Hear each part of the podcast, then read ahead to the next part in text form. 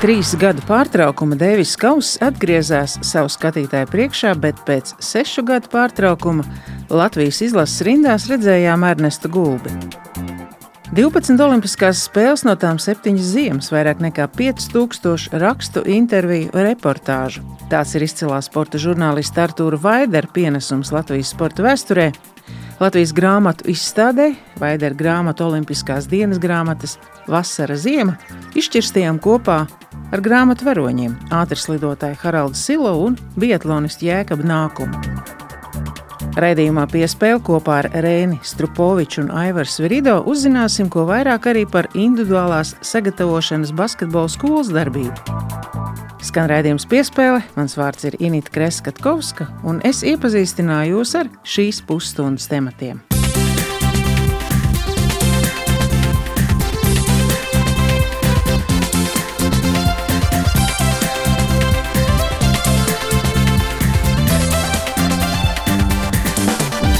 Latvijas vīriešu tenisa izlase šajā nedēļas nogalē Lielupes tenisa kortos aizvadīja Dēvis Kausa izcieņa Rēģipti. Mūsu izlases pirmo numuru Ernestu Gulbus sarunu aicināja kolēģis Mārtiņš Kļavinieks.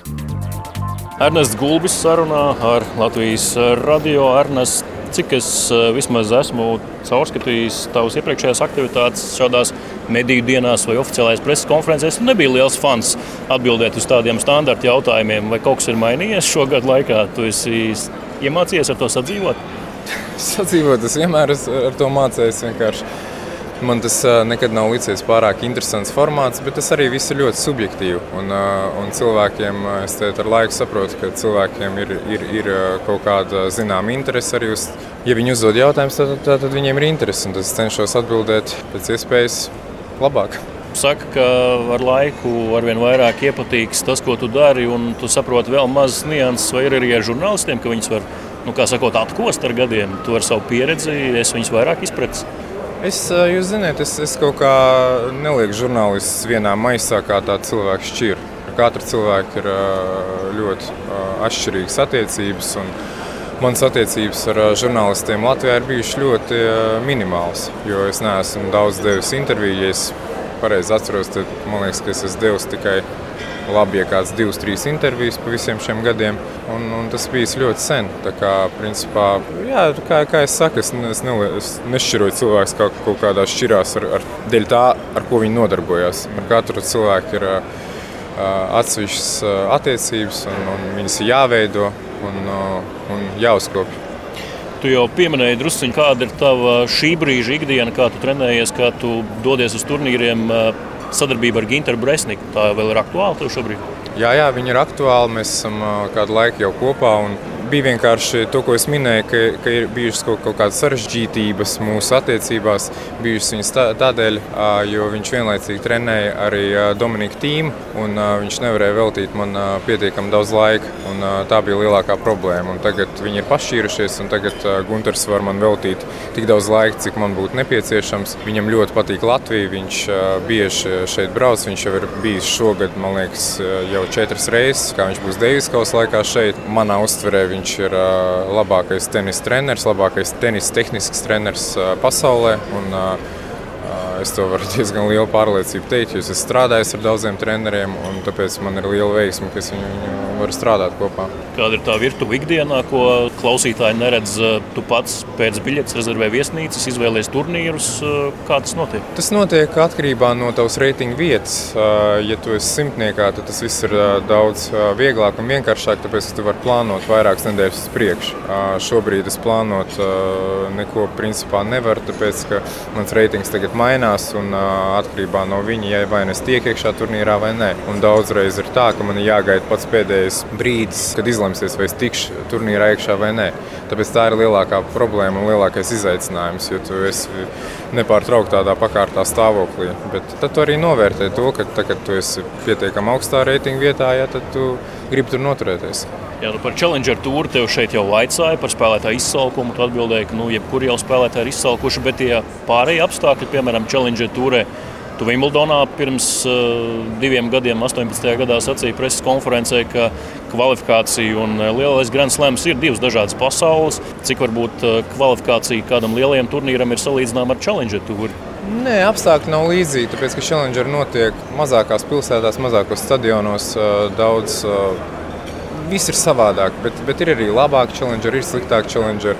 Jūs prasat par kaut kādām lietām, ko, ko cilvēki neredz, kaut kas, kas ir aizkadrā. Ja? Nu, tas viss ir ar fizioterapeitiem, ar masieriem. Ja lielajos turnīros viņi ir labāki un viņi ir vairāk ar ēšanu. Ja, Lielajos turnīros viņi labāk. Tāda ir kā primitīva lieta, ja, bet challengeros tomēr tas, tas līmenis ir, ir daudz, daudz zemāks. Ja, ar, ar viesnīcu, ar transportiem, ka tev ir jāorganizē kaut kā pašam, vai nu ar taksi, vai, nu, vai nu ar kaut kādu autobusu jābrauc. Kaut kādas tādas lietas, kas vienkārši lielajos turnīros viņiem ir lielāka budžeta un viņi, viņi padara dzīvi daudz vieglāku. Un, un beig galā, ka tev ir dienā ir tikai 24 stundas, un uh, tu vari uzspēt to, ko tu vari uzspēt. Un, ja tev viss ir saorganizēts tā, ka tu vari pēc iespējas vairāk uzspēt izdarīt to, kas ir uh, labi priekš tev tenisa, ja, jo tev arī rezultāti būs labāki.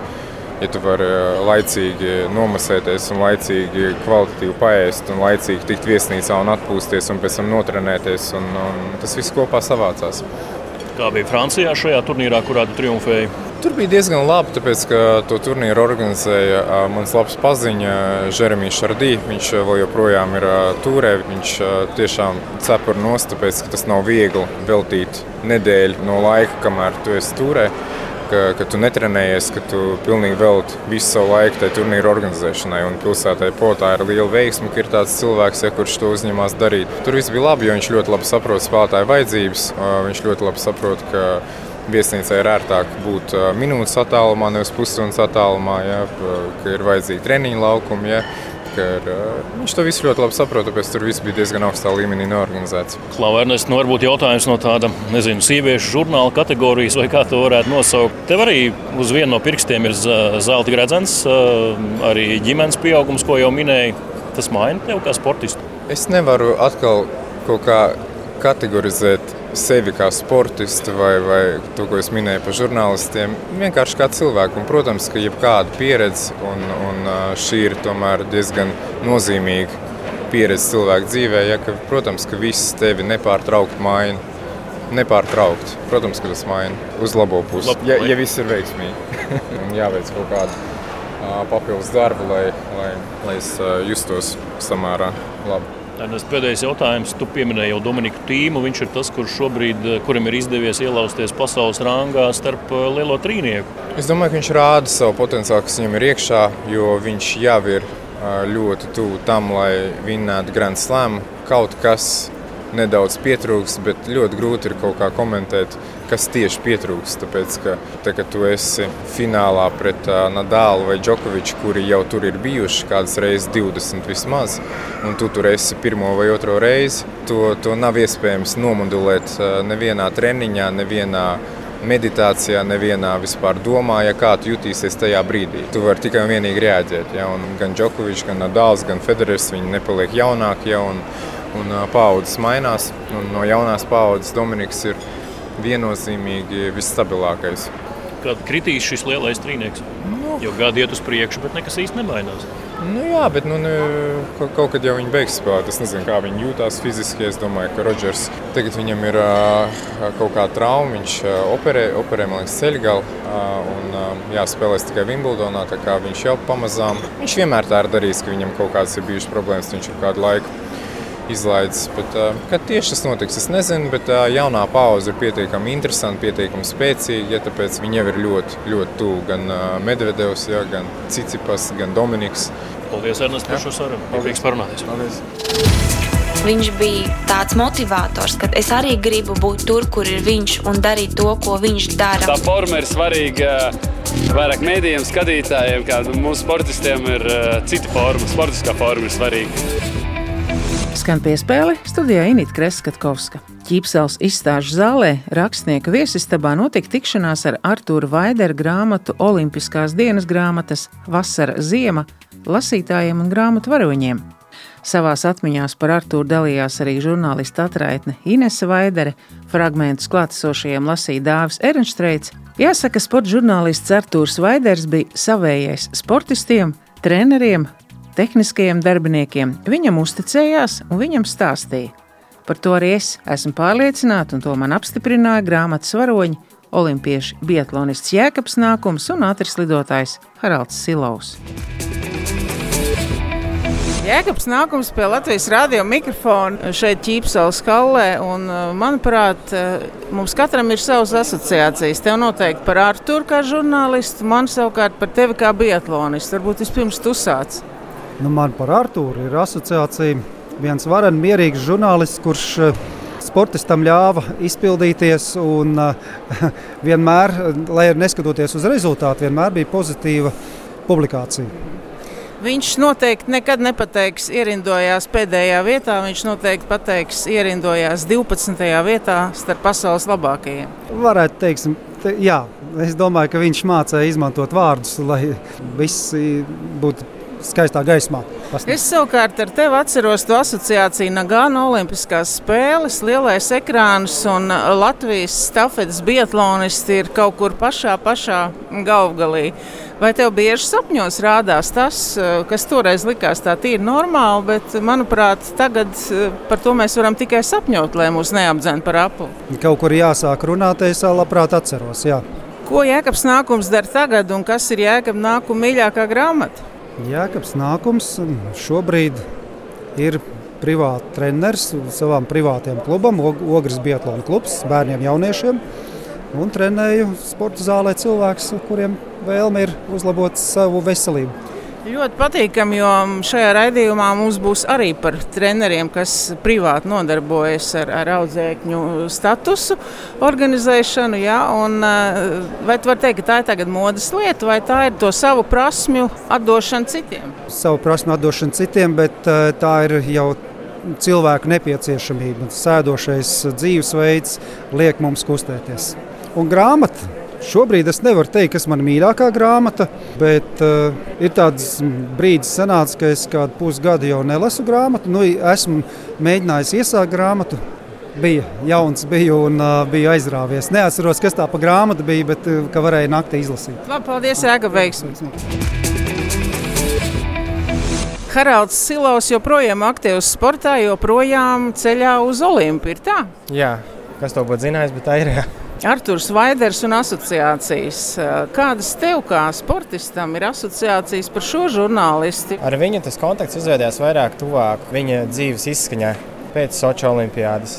Būtībā liekas, tas bija vienlaikus, ka viņam sākās arī veselības eh, traucējumi. Ir vienmēr bijis sajūta, ka viņš ir eh, arī kaut kādā ziņā kā draugs, cilvēks, kurš ir ar, ar, ar lielu bagāžu.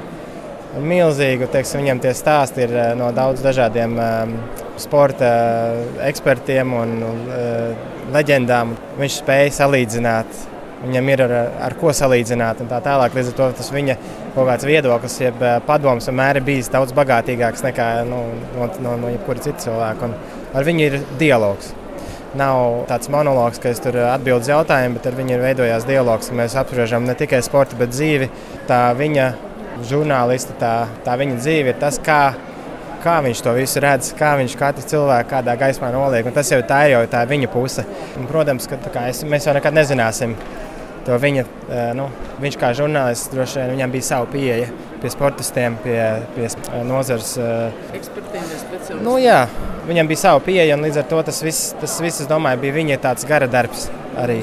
Karalis un grāmatas, vai mūsdienās sportistam iznāk daudz lasīt grāmatas? Es savu lasīšanas jaunatnes laiku atceros lidosta, mūžīgi aeroflota gaidīšanas svētki. Kā, kā tev ir tagad? Man patīk lasīt, bet ir ļoti piesātināta vide ar izklaides iespējām nu, tādām, kas tev var nodarbināt prātu un uh, audio grāmatas. Tagad ir uh, podkāsts, kurus var klausīties ar uh, intervijas, ja? un viss ir tik ātri pieejams, ka būtībā tu vari ļoti precīzi samaktēt. Kodolīgi, kas tev interesē, un atrast, un uzreiz noklausīties, vai, vai izlasīt. Vai es redzu, kā divas puses. Viena puse ir tas, ka mums tomēr ir tā, mēs daudz vairāk informācijas varam iegūt ļoti īsā laikā, un arī laba informācija, un arī kvalitīva informācija, bet eh, tāpat laikā man liekas, ka tai, eh, izlasot visu grāmatu, tomēr ir kaut kāda cita vērtība. Man eh, pēdējā šogad īstenībā Maza, es esmu mazāk lasījis, un man vienmēr līdzi ir Kindle, man tā grāmata. Vienmēr viņa stāv pie gultas, bet es viņu tik reti paņēmu rokās un, un lasu. Man ir kaut kādas trīs vai četras iesāktas grāmatas, ko es vienkārši muļāju ik pa laikam. Bet to lietu, nu, kā, kas nodarbina, ir tik daudz, ka vienkārši neatliek īsti. Es vēlu, lai tev šī grāmata būtu tā, ko tu izrautu cauri naktī, jo droši vien, ka mums katram ir kāda grāmata, ko mēs esam naktī izraujuši līdz rītam un ar to lepojamies. Jā, nu es ļoti, ļoti ceru, jo tī, man liekas, ka interesanti būs tas, ko viņš tur ir uh, apkopojis pa visiem viņa tiem uh, olimpiskajiem, olimpiskajām pieredzēm. Un, uh, man arī ir bijušas bijuši reizes, kad es lasu cauri naktī. Jā. Un, un man īstenībā pietrūks pat tādas, tādas naktis, kad, vai ja tādas grāmatas, vai tādas, tāda lasām viela, kur tik ļoti aizrauja, kad, kad mēs izvēlamies uh, lasīt, nevis gulēt. Nu, tā. Paldies! Un, lai veicas! Paldies! Jā.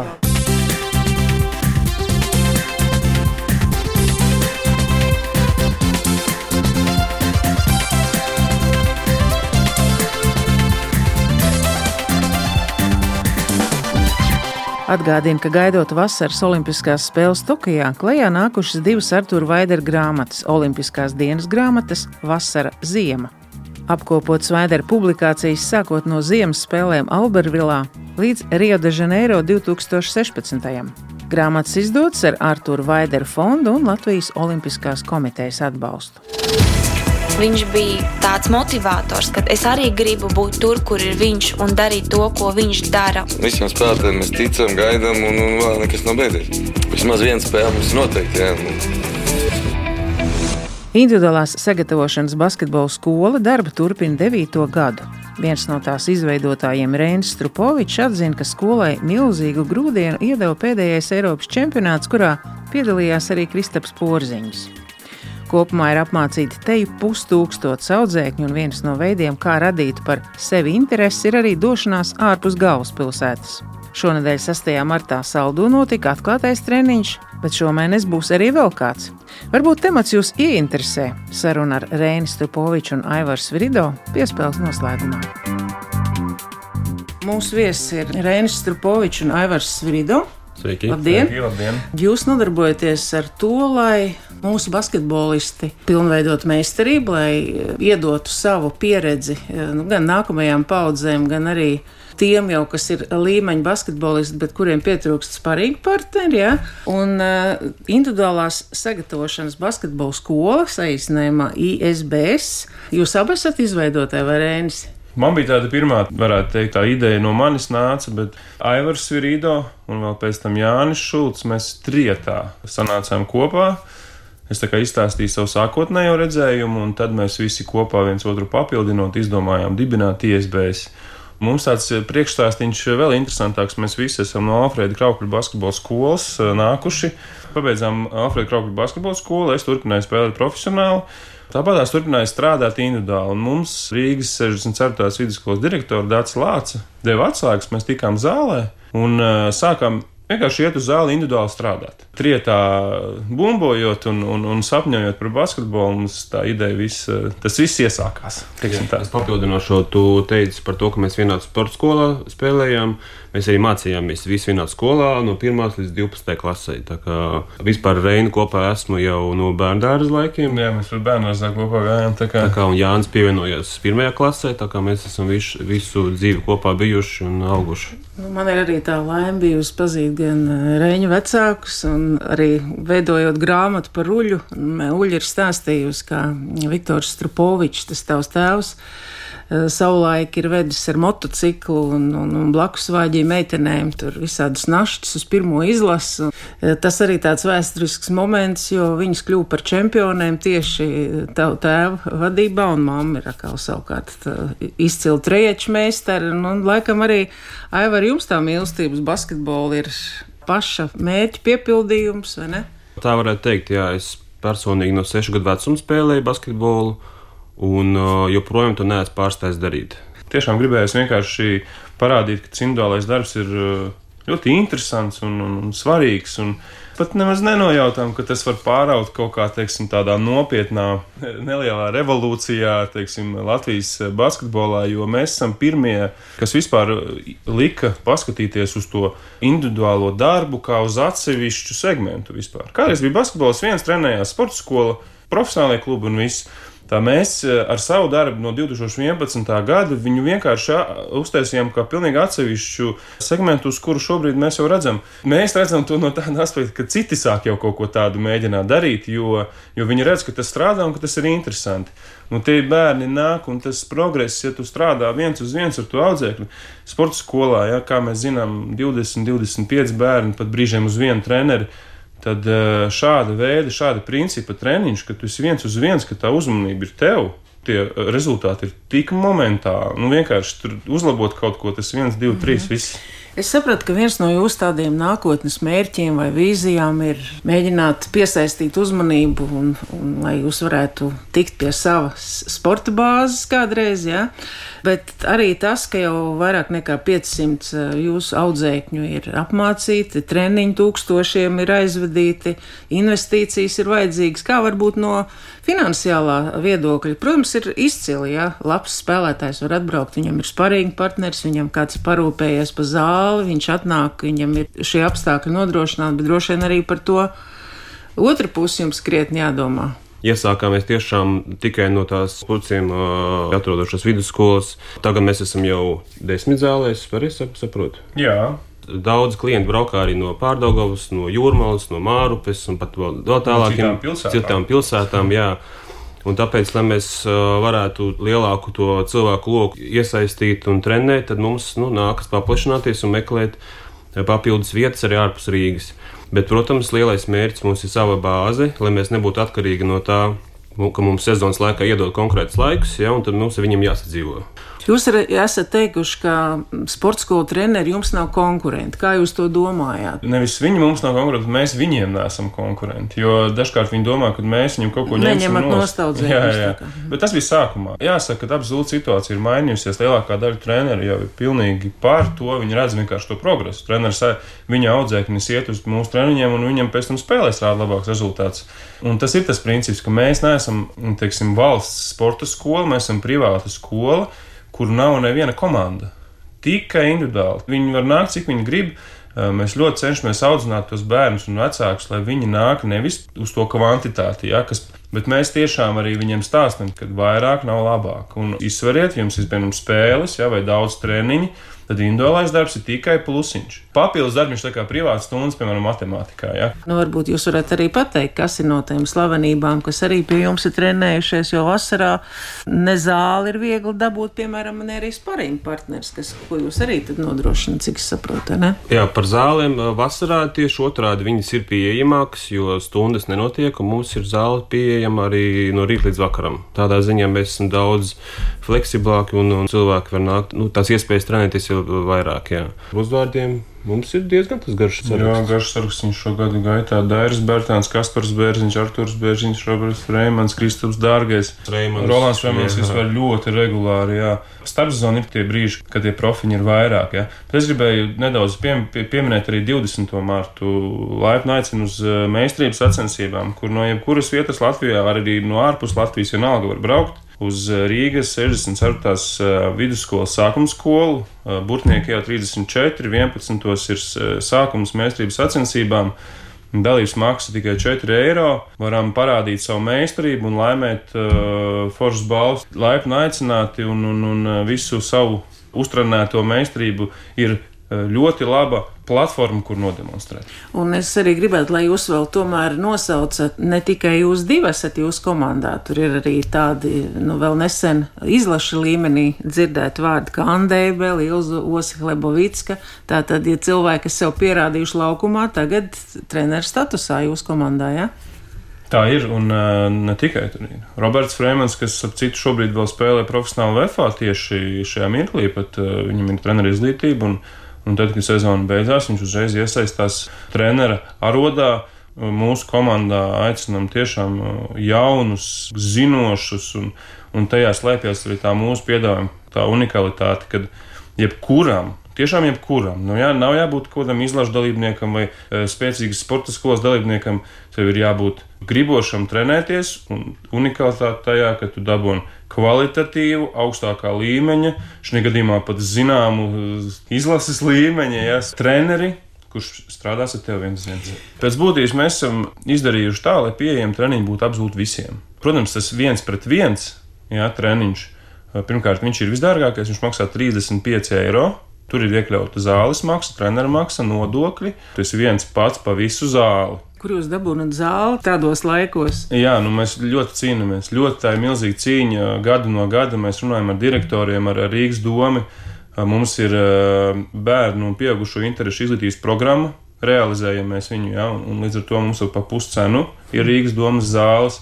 Ja te 35 eiro ir par daudz, droši ņem līdzi draugus. Ja divi tā trenēsties uzreiz, cena ir 25 eiro. Četru cilvēku grupiņa, katrs pat 15 eiro. Ja? Un, protams, mums ir arī sava stipendija grupa, kur trenējas pilnīgi par velti. Ja mēs, teiksim, pašus labākos atsijājam, ar sporta skolu treneriem runājot, uzzinām, viņi raksta iesniegumu, viņi parāda sekmes, un tad mēs ejam pie mūsu mecenātiem un piedāvājam, vai viņi būtu gatavi finansēt šo super talantīgo un uh, bērni, kas labi mācās, jā, viņu individuālos treniņus. Tā. Teicāt, ka arī ārpus Rīgas jūs dodaties. Cik tas jums ir regulārs, tas vecuma kontingents, jo zināms, ne tikai jaunieši, bet arī tur 40 plus nāk tie gribi. Jā. Viena lieta ir trenēties individuāli, otrs ir trenēties tieši specifiski un mācīt uzlabot tās lietas pareizi. No angliski ir tāds know-how. Es nezinu, kā tas būtu latviešu, tas mūsu pieeja individuālajam darbam, un viņi grib to redzēt. Un, protams, arī cenšamies nest savu vārdu ārpus Rīgas. Tur mēs mēģinām realizēt un parādīt to, kā mēs strādājam ikdienā. Tādā caur rotaļu, nedaudz arī caur tādu nopietnu, taktiskās lietas mēs nekādas ne, neņemam. Tas vairāk tāds pasākumu veidīgs. Cenšamies uh, diezgan regulāri braukt ārpus Rīgas, uh, saucās atklātais treniņš, tāpēc viņš ir atklātais. Tur mēs parādām, atklājam savas kārtas, kādi mēs esam ikdienā. Jā, mhm. Agrāk mēs uh, atklātos treniņus regulāri reizes gadā vai pat divreiz gadā rīkojam kopā ar studentu basketbolu līgu. Jā, mēs braukājām apkārt arī pa pilsētām. Un, uh... Man jautājums Aivaram vairāk par to, uh, turpinot to ideju nekad nav lieki par kaut ko cerēt un, mēģināt solīt pa solītim to mērķi sasniegt. Viens no tiem variantiem arī atjaunot kaut kādas jau esošās zāles, kas varbūt nav tādā līmenī. Nu, vieta ir.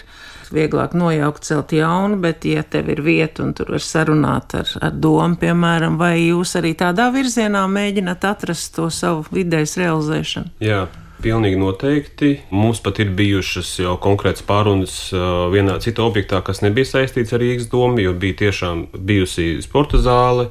Un viņš šobrīd stāv, principā, pūst, ja ķēngaragā, ja nemaldos. Tur ir tā pārdošanas cenas bija lielas, un ēka stāvēja ne nu, uz svešas zemes vēl. Tas bija tāds sarežģīts process, un uh, kam arī nepieciešams ir investīcijas. Problēmas ir, protams, ar investīciju piesaisti, un, un, un es domāju, ka laikam ejot, mēs augsim vēl lielāk un vēl nopietnāk, tad arī tās iespējas parādīsies. Tātad atgādinu šodien redzējumā pie spēle Rēnis Strupovičs, Evers Svirido, individuālās sagatavošanas basketbola skolas pārstāvi, izveidotāji, tā var teikt, ja. Es vēlu jums, lai izdodas savus sapņus piepildīt, tad jau atkal informēt, kā jums klājas un, un kādi slaveni basketbolisti ir tieši pie jums mācījušies. Ja? Paldies! Paldies! Paldies